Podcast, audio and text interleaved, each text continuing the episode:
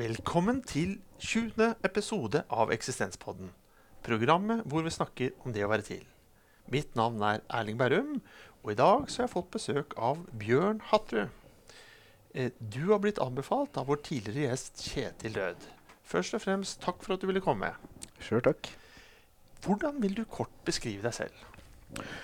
Jeg arbeider er ofte det en drar inn når en skal beskrive seg sjøl. Det er ofte hva en arbeider med. Og jeg arbeider bl.a. som kunstkurator. Det vil si at jeg jobber med å sette sammen og arrangere kunstutstillinger, finne kunstrom, finne kunstnere, skrive tekster osv. Jeg driver også som eh, kommentator, kulturskribent, i en rekke tidsskrifter og aviser. Og i tillegg så driver jeg med eksperimentell musikk, alternativ musikk. Hva slags type eksperimentell musikk eh, når jeg var yngre, så pleide jeg å si at det var uh, liksom Arne Norheim på speed, eller uh, ja, det meste som er stygt og fælt, osv. Det er vel for uh, spesielt interesserte, da, kan du si. Men moro for meg. Jeg forstår. Hva tenker du kan være viktig å nevne om deg og ditt liv? Det som vel kan være viktig å nevne, er at det, hadde, ikke- det var ikke gitt i utgangspunktet at jeg skulle drive med de tinga jeg gjør i dag. eh, eller at livet mitt skulle bli bra. For jeg syns jeg sjøl har et bra liv. Jeg er født med en form for ryggmargsbrokk. Jeg er født med klumpfot og beinlengdeforskjell og en mengde ortopediske skader og vært inn og ut av sjukehus hele oppveksten. Og eh, i tillegg så eh, er jeg jo homo og ble tungt mobba da jeg sto fram. Og i tillegg, så grunnet feilbehandlinger som unge, så vokste jeg opp som overvektig i ei tid da det var svært sjeldent med overvekt. I tillegg så er jeg en såkalt klassereisende. Det vil si at jeg kommer fra generasjoner med arbeiderklassebakgrunn på bygda. Og jeg har nå bodd i Oslo halve livet og har studert på universitet på Blindern osv. Du har blitt bedt om å velge ut et tema Mm.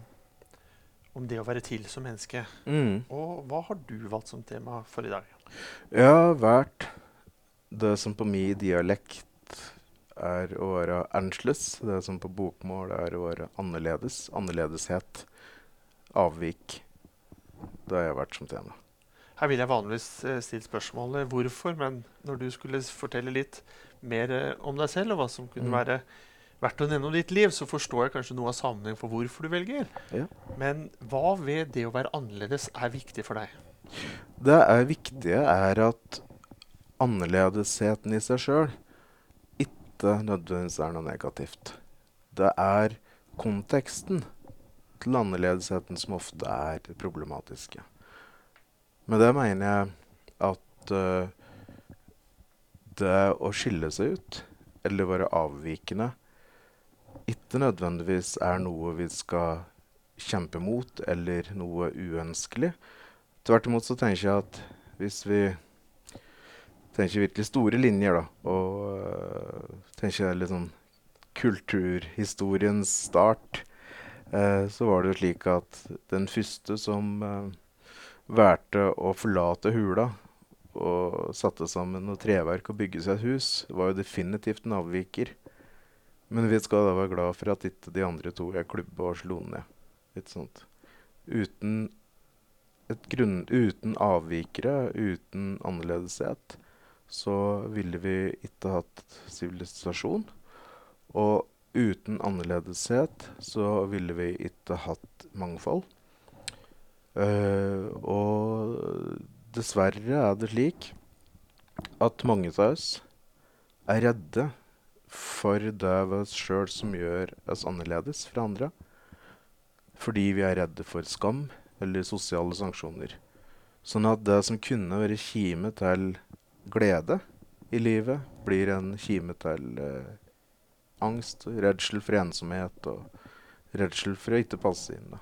Sånne ting.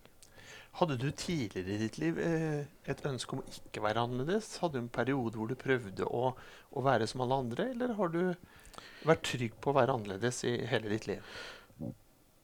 Jeg har vel aldri vært trygg på å være annerledes, men jeg har jo alltid vært det. Og en del ting har jeg nok kanskje prøvd å passe inn på. Jeg husker det første tre-fire måneder eller så, som etter jeg kom ut av skapet som homo, så prøvde jeg å kle meg som andre homofile menn gjorde. Og jeg prøvde å adoptere kroppsspråk og en pratemåte og sånne ting. Men jeg fikk det ikke til, ikke sant. Um, tilsvarende så har jeg nok prøvd kanskje å passe inn innimellom, men jeg har veldig lite tålmodighet på akkurat det. Og jeg ser jo sånn rasjonelt sett så ser jeg lite verdi i det å passe inn for å passe inn sin del. Altså, vi skal jo alle oppføre oss. Vi skal være bra folk. Vi skal være greie og snille mot hverandre og bry oss om andre og sånne ting. Det er veldig viktig. Men i det ligger det ikke nødvendigvis å passe inn. Alltid. Et konkret eksempel um, er uh, Jeg leste akkurat en bok om uh, en gutt i Sverige som flykta ifra Wien i 1938 fordi han var jødisk og han fikk uh, opphold i Sverige. Og de som valgte å passe inn i Wien i 38, var ikke noe snille folk. De oppførte seg ikke snilt når de passa inn gjennom å jage jøder. De få som da valgte å ikke passe inn, var jo de vi drar fra som helter i ettertid. Sånn at Men det er klart det er jo alltid en sånn diskusjon hvorvidt det å prøve å tilpasse seg er et gode eller ikke et gode. Men jeg tenker at i utgangspunktet er det ingen av delene. Uh, og som er etisk riktig, dreier seg ikke nødvendigvis om å passe inn. ikke sant? Filosofen Heidegger han snakket jo om eh, egentlighet og uegentlighet. Mm -hmm. eh, vil du ser du en mulighet for å knytte eh, annerledeshet til egentlighet? Du må nesten utdype uh, hva Heidegger mente med egentlighet. Nei, hvor uh, uegentlighet det er, det er, mer knyttet til å gjøre som alle andre. Mm, det, det, man tenker er forventet, og mm, mm. slik man gjør det Mm. man bør gjøre. Mm. Mens det er der jeg knytter, tenker da annerledeshet, er jo det da man da selv ønsker å gjøre.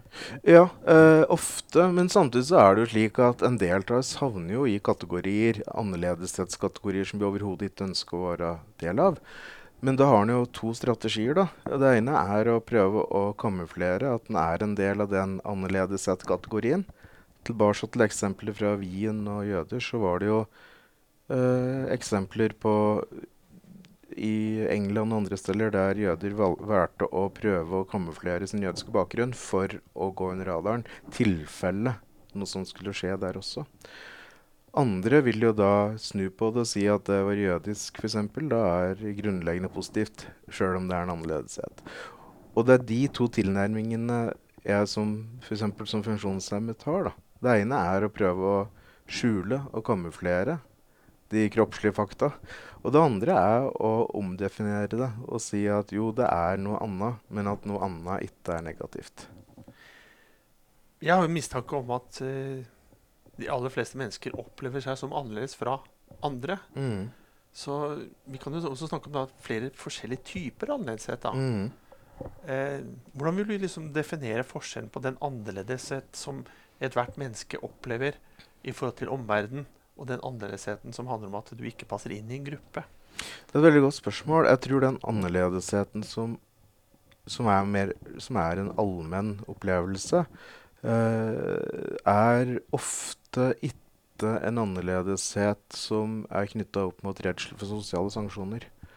Jeg tror det er det øyeblikket annerledesheten er knytta opp mot en redsel for sosiale sanksjoner, at det blir trøblete uh, for mange. Sånn at, men for meg, jeg tenker jo at det å være eh, Ikke være som andre er eh, i utgangspunktet grunnleggende positivt. Ikke for at andre At den kategorien de andre innebærer noe feil. Men det, til, det innebærer egentlig Det jeg vil fram til, er vel at folk skal få lov til å være den de er, og gjøre det de har lyst til, så frem til ikke skader andre. Og, og i det så ligger det en egen verdi, da, på en måte. Men for noen så er det vanskeligere enn det er for andre. Men det å være annerledes, Mhm. eh, det tenker jeg også må være en prosess. Og det er også noe som da tar litt tid, for det handler jo om å på en måte finne fram til seg selv. Samtidig så er det jo slik at vi, vi er jo, slik jeg ser det i hvert fall, vi er jo med på å skape hverandre og Mm. definere hverandre og vår Mm. oppfatning av hvem vi er. Mm. Så har du noen erfaring og opplevelse med en selvtro, da, eller hvor du tror du er noen du med tid viser seg ikke være? At du liksom avdekker nye lag i deg selv. Hvor du trodde at eh, ja, nå er jeg den jeg egentlig er. Mm. Mens med tiden så viser nei, jeg er ikke sånn heller. Dette er bare egenskaper og måter å være på som er blir tillagt av andre. Mm. Det er et veldig interessant spørsmål, fordi jeg tror det her er vel sånn derre en evig sånn uh, utviklingsprosess som veldig mange av oss går i, tror jeg. Der vi går rundt med forestillinger om å ikke strekke til, f.eks. Eller å være en skuffelse i en eller annen persons øyne. Mange av oss kanskje i foreldra våre sine øyne, eller søsken, eller nære venner, eller uh, Og at vi da går rundt i en sånn prosess av uh, skyld, eller følelse at vi burde ha forandra oss. Eller at vi går rundt og tenker at det her er ideelt mål i mitt liv, og så viser det seg ettertid at ja, kjære venn, grunnen til jeg tenkte sånn, var fordi at jeg ønska en aksept. Jeg tror det her er helt allment. Jeg kan ta et konkret eksempel fra mitt liv. Da jeg kjøpte meg leilighet for ti år siden, så ble jeg veldig sint på meg sjøl fordi jeg kjøpte leilighet i den etasjen jeg gjorde i borettslaget mitt, og ikke et par etasjer lenger opp, for da hadde jeg hatt litt bedre fjordutsikt. Og da var det veldig viktig for meg akkurat der og da, for jeg var eh, bare 30, veldig sånn etableringsalder, og jeg tenkte at det å ha en leilighet som er, eh, som er liksom standsmessig, det er en viktig ting. Og uh, i dag tenker jeg aldri over den der fjordutsikta. det er jo ikke, men, men, der og da så opplevdes det som veldig viktig. Og jeg tror veldig mange av oss har den her type følelser av at vi burde eller skulle. Og, og, det er klart, det har jeg også hatt. I perioder av livet så har jeg vært veldig opptatt av å være slank, f.eks. Uh, og uh, andre perioder så var jeg veldig opptatt av å skulle prøve å trene så mye som jeg klarte for å liksom være godt trent og sånn. Og jeg tror veldig mange uh, går rundt med sånne tanker. Så um, der slipper en nok ikke unna, uansett om en har visse sånne annerledesheter som i bunnen som en ikke får forandre. da.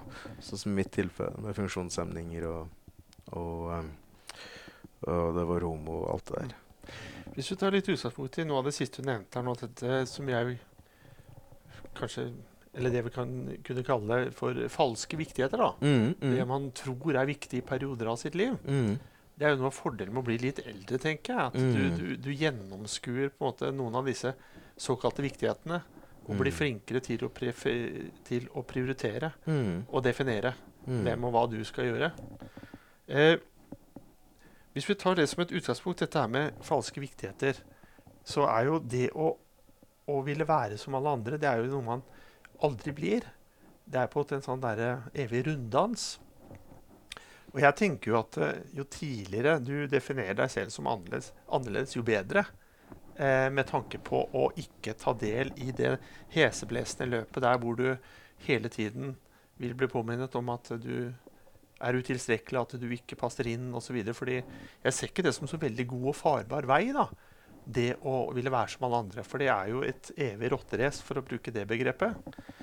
Eh, men det å definere seg selv litt utenfor, da, det er jo krevende å utfordre med tanke på Du sa risikoen i stedet for sosiale sanksjoner. Og det er vel kanskje en av de vanligste sosiale sanksjonene er å bli ekskludert. Mm. Er det noe du har liksom opplevd og erfart? At, ved at, at du velger å stå fram med annerledeshet, så blir du også ekskludert fra sosiale grupper du tidligere tilhørte? Uh, kanskje ta og snu litt på det, eller tenke at det kanskje heller har forhindra meg fra å finne plass i sosiale grupper som jeg har ønska meg inn i. Uh, det er, kanskje. Men uh, jeg tror faktisk det mest ekstreme tilfellet av sosial ekskludering som jeg har opplevd, eh, skjedde når jeg var eh, rundt 20 og sto fram eh, i Brumunddal og opplevde fikk en mobbekampanje da, som var rettet mot meg.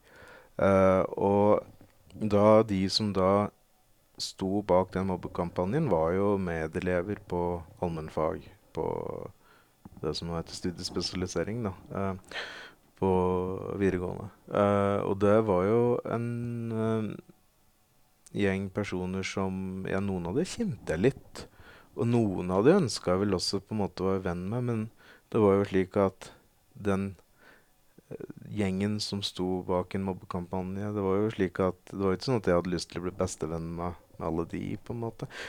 Men um, jeg kan jo uh, Altså, jeg kan jo ta og øh, Det er gjort på et par minutter, så jeg kan jo kjapt ta og lese lese denne erfaringen, så hvis du vil. For jeg har med meg Gjør en bok. det. Jeg har øh, med meg en bok. Jeg må jo få reklamere bitte litt. Jeg skal ut uh, essaysamling for snart et år siden. Uh, med utgangspunkt i eget liv. eh, på eh, det norske samlaget som heter Mot normalt. Etter den Juster-sketsjen, vet du. Ja. Og eh, det er en oppvekstskildring. eh, og eh, den, der jeg skriver mye om det å være annerledes. Mm. Og eh, om åssen jeg har opplevd det som unge, og åssen tanker eh, jeg har gjort meg, og, men også rent fysiske, konkrete ting som jeg opplevde. eh, av smertefulle inngrep i kroppen og, og sånne ting. Og i den boka så har jeg også da skrevet eh, om åssen jeg opplevde det å stå fram da i Brumunddal. Uh, jeg skal ikke lese alt, men jeg kan ta et lite utdrag. Ja. Uh, det er bare For ordens skyld så er det ikke sånn at jeg snubler i tunga her. Det er på nynorsk, så derfor så har jeg litt annen måte å prate på når jeg leser.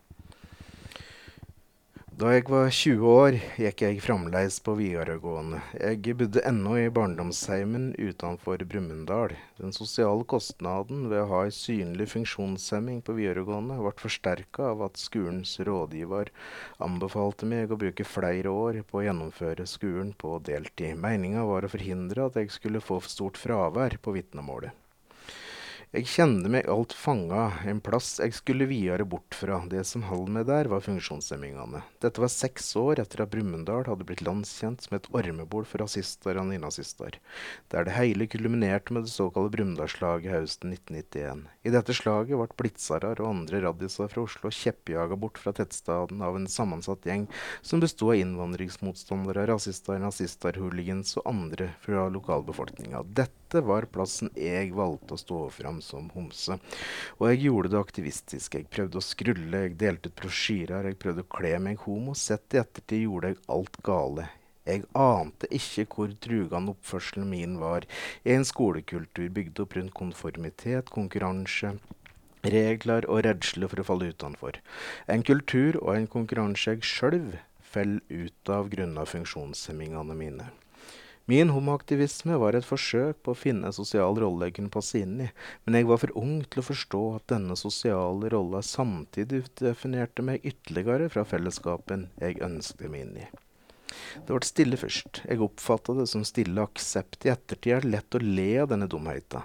Stormer bygger seg opp i det stille. Jeg skulle få straffa for dumskapen min få veker seinere. Jeg gikk på skolen med friskt mot. Hver gang jeg gikk forbi gjengen på mekaniske fag, fikk jeg slengt drit etter meg, men jeg gikk der stolt. Jeg var nyfiken, deltok sosialt. Jeg skulle endelig være russ etter fem år. En del gutter i klassa mi, og på allmennfag ellers, hadde investert i matchende T-skjorter med teksten 'Sammen er vi sterke'. Jeg ville også ha ei slik T-skjorte. Det sa at punktoma i teksten skulle stå for øl, damer og fotball. Men ingen fortalte meg hvor jeg fikk kjøpt ei slik T-skjorte. Et par veker gikk. Jeg fikk en lapp i en time av ei jente. Sitat. Jeg veit du har fått hørt om T-skjorten, og jeg vil bare at du skal vite at ikke alle er like homofobe som deg. Jeg forsto ikke. Noe måtte forklare. T-skjortene som guttene ba, var retta mot meg. Punktum i teksten sto for hetero. Ei intern uniformering for at guttene skulle kunne markere sin heterofili og avstand mot meg. De var sterke sammen mot meg. Et holdt mørke åpna seg i meg. Alle hadde visst. Klassestyret, rektor, klassekamerater, venner i vekevis. Det ble forsøkt ordna opp uten at jeg skulle få vite. Guttene fikk ingen straff. Jeg følte meg som en drit. Jeg fikk et fravær som være et av de høyeste i norgeshistoria. Da jeg nærma meg inngangen på skolen, opplevde jeg ei stemme i ei gruppe på 30 elever og ropte Nå kjem Hatterudhomoen, nå tør ikke, tør ikke jeg være lenger. Og alle gikk inn. Folk ble kvalma av meg, fikk jeg høre. I russetoget der jeg gikk og solgte aviser, ble jeg ropt etter, bedt om å dra til helvete, om å fjerne meg. Det trong ikke be to ganger, jeg flytta fra Veldre ikke lenge etter. Sterk historie. Eh, den har jo prega meg ganske mye i livet. Og du kan si det som er forhistorien her også, var jo at som uh, funksjonshemmet, uh, som yngre enn mine medelever og sånne ting Altså jeg datt utafor på så mange fronter. Og i møte med eh, medelever, i møte med et skolemiljø som jeg selvsagt ønska å få en plass i, så tenkte jeg da i min ungdommelig naivitet at det å møte de andre som meg, som homobjørn, i tillegg til handikappet bjørn, uh, var en lur strategi for å passe inn. Jeg skjønte ikke den grunnleggende mekanismen som heller som andre førte, at nei, du venter med å fronte din annerledeshet til du kommer inn i et miljø der du kan være på den måten sammen med andre som ligner deg. Uh, Seinere i boka så skriver jeg også om det å møte homomiljøet i Oslo som funksjonshemmet, der jeg ikke fikk en like hard uh, behandling, for det gjorde jeg virkelig ikke. Men der jeg kanskje også følte meg utilpass, i og med at mange av de møteplassene som var den gangen, for 20 år siden, uh, var møteplasser rundt et dansegulv. Og med det beina jeg har, ryggen jeg har, og sånn, så er jo ikke jeg lagd til å danse. Sånt.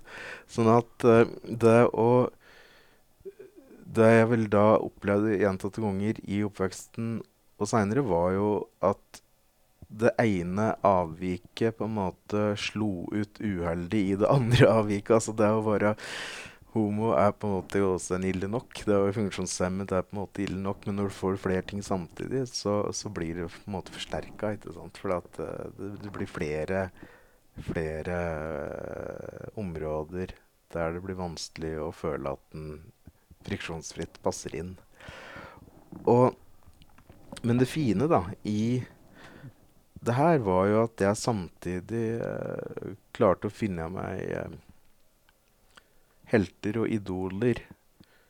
Kunstnere, musikere, klesdesignere, forfattere osv. osv. Som nettopp brukte det å være Angeles som motor eller drivstoff i sitt virke. Ja, for det var det neste spørsmålet. At til, til tross for den eh, tunge bakgrunnen og opplevelsen Ja. som du hadde der og da, likevel så sitter du her som et godt dugende menneske, godt balansert og, Jo, og godt humør. liksom sånn, så Hvordan er det mulig? Du svarte jo nettopp litt på det. Måten du klarte liksom å komme deg videre på. fordi du sa litt før du leste opp, så sa du også dette at noen av disse sosiale funksjonene som forhindret deg fra å finne en plass Mm, i gruppen. mm. Eh, men hva har du lært, og har, hvordan har du nå forstått at du kan finne en plass eh, blant andre også som annerledes? da? Jeg tror noe av det her har øh, altså Noe av det som har skjedd, er at jeg etter hvert fant folk som uh, miljøer der det å være annerledes er et gode. Det er f.eks. Uh, kunstmiljø. Uh, I hvert fall store deler av det. Uh, det er den eksperimentelle musikkscena som jeg pratet om tidligere. eh, der jeg har opplevd en enorm sjenerøsitet. Der uh, utgangspunktet nesten har vært sånn at jo uh, mer, ek, mer særpreg du har som person, og jo rarere og villere uttrykk du har kunstnerisk, jo bedre er det. Så du kan si det å komme inn i en del sånne eksperimentelle, litt sånn avantgarde-miljøer har betydd mye. Og jeg tror også det å At jeg studerte på Blindern og studerte det som heter kulturhistorie, som er liksom gamle etnologi og folkloristikk som er slått sammen, men i dag så er kulturhistorie veldig opptatt av høy- og lavkultur. Og den biten av sosiologi som er avvikssosiologi, altså hvordan passe inn og ikke passe inn, kombinert opp mot den delen av antropologi som går på åssen hierarkier i samfunn bygges opp, kombinert med eh, forskning i lingvistikk og psykologi osv., så, gjør kulturhistorie hele det gir, Alt her sammen gir kulturhistorie et sett av analytiske verktøy da, på det her å, å, det, analysere hva det er som er ønskelig og ikke ønskelig av kultur i et samfunn, og hvordan ulike kulturelle skiller, høy- og lavkultur, bra kultur, dårlig kultur, henger sammen med makt og maktstruktur i samfunnet. Da. Sånn at, så jeg på en måte Gjennom kulturhistoriestudier så fikk jeg jo et mye sterkere teoretisk grunnlag for å forstå min egen situasjon. Og gjennom et miljø av, i, i, musikk og kunst og sånne ting, så fikk jeg et miljø av folk der det til, var mye større aksept for uh, annerledeshet. Um, og så har jeg vært så heldig at jeg har en livsledsager som uh, aksepterer meg for den jeg er, og en svigerfamilie der, og en familie ikke minst sjøl, som har vært veldig støttende uh, i at jeg skal være akkurat som jeg er. Uh, og det har gitt meg et større mot, tror jeg, til å prøve å unngå å skamme meg, og prøve å unngå å kamuflere den jeg er, og det jeg måtte ønske. Hvordan har denne reisen og utviklingen som du opplevde, påvirket ditt syn på det å være menneske? Jeg håper at det har gjort meg litt mer, at gjort meg litt mer ydmyk i møte med andre. At uh, Jeg håper at det har gjort at jeg skjønner at vi alle har våre å stri med. Og jeg håper også at det gjør at at jeg, det, det, jeg gjør når jeg skriver og setter som kunstutstillinger og alt sånne ting, de jobber jeg gjør som, jeg, som er betalte jobber i kultursektoren, når jeg gjør de jobba, at jeg da på en måte klarer å gjøre verden bitte litt åpnere og bitte litt mer aksepterende. At folk kan bli bare kanskje litt mer nysgjerrig på hverandre og, og, og, og akseptere et mangfold. Da. For det er veldig viktig for meg. For det at grunnlaget for skam på den ene sida og harde sosiale sanksjoner, jf. mobbeepisoden, er jo det grunnlaget er jo uh, kanskje en manglende nysgjerrighet og aksept for andre. Og en, ikke minst en manglende sjølaksept. Veldig mange av oss er jo uh, Vi er jo som vi er, og, og, det er bra, liksom. Det er helt greit. Jens Bjørneboe sa jo at det er liksom avviket som styrer utviklingen. Ja. Litt sånn som du var inne på innledningsvis. Mm. Og du har jo liksom snakket om klar, noen klare og tydelig definerte avvik. Mm. Eh, men i forhold til den annerledesheten som kanskje mange bærer i seg, men som mm. de ikke våger ta fram, da, ja, ja. eller våger å realisere mm. eh, Vil du være såpass eh, lystig til sinns at du vil si at de slipper annerledesheten fri?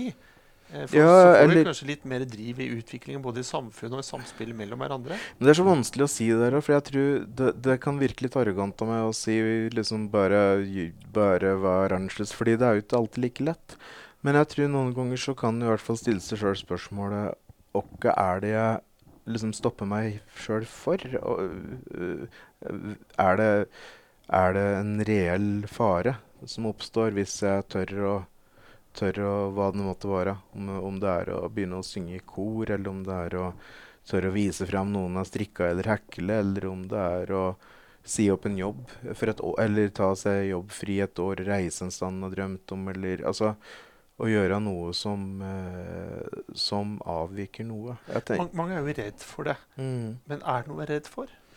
Uh, jeg tror hun i hvert fall kan stille seg sjøl spørsmål hva er det jeg er redd for. Uh, liksom Konkret hva er det som vil skje. Jeg tenker jo det vi ser nå at Jeg kjører mye bil. Jeg er fryktelig glad i å kjøre bil. Uh, det er jo Du kan si det er jo sikkert noe jeg burde skamme meg over, men jeg gjør ikke det. Jeg er fryktelig glad i å kjøre bil. Jeg er ikke så god til å gå, men jeg er veldig glad i å kjøre bil. Og jeg kjører mye bil rundt på landsbygda rundt Oslo og sånn. Og nå er det sånn at eh, alle de siste sju-åtte ja, åra har malt husa sine grå.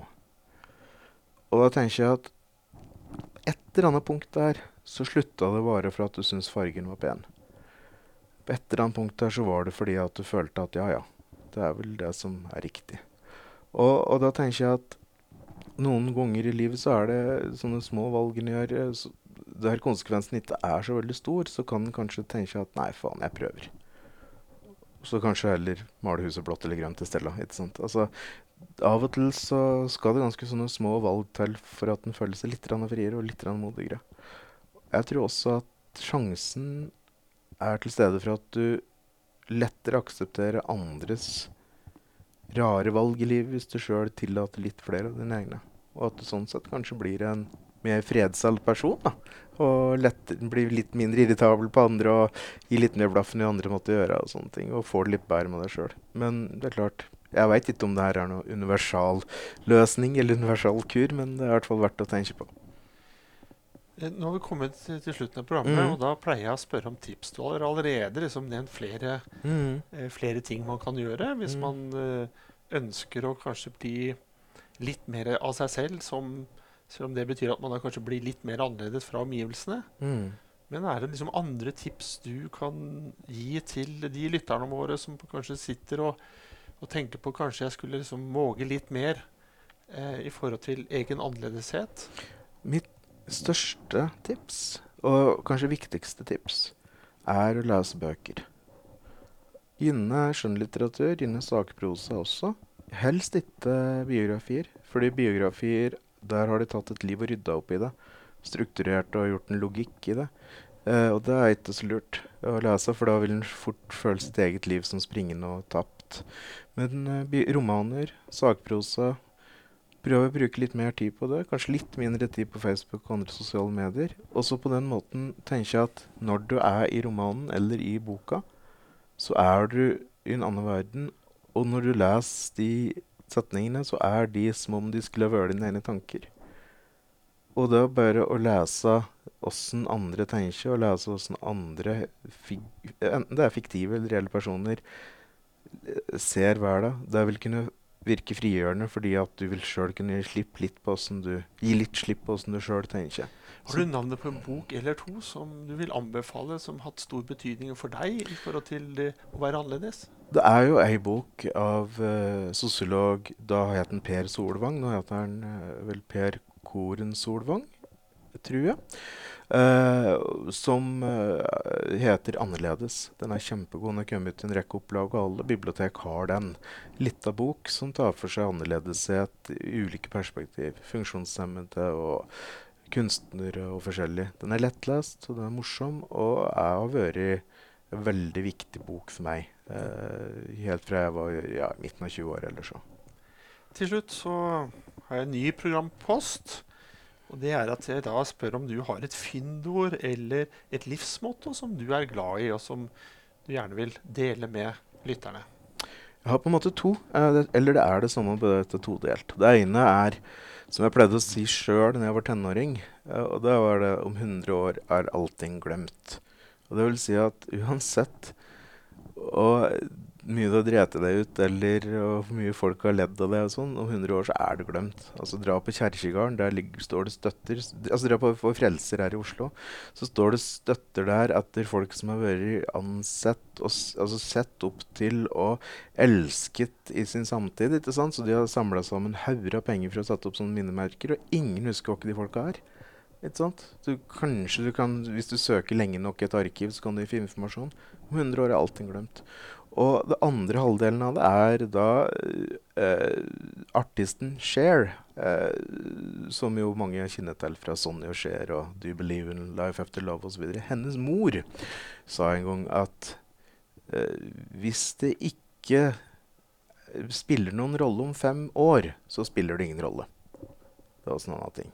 Det er, hva er det verste som kan skje da, hvis du gjør et litt rart valg? Om fem år så er det antageligvis helt uproblematisk. Takk for de to gode sitatene til slutt. Og så takker jeg også for eh, at du stilte opp i dag. Og så takker jeg til deg som lytter for å ha fulgt oss denne halvtimen. Vi høres igjen, og inntil da, ha det bedre enn bra.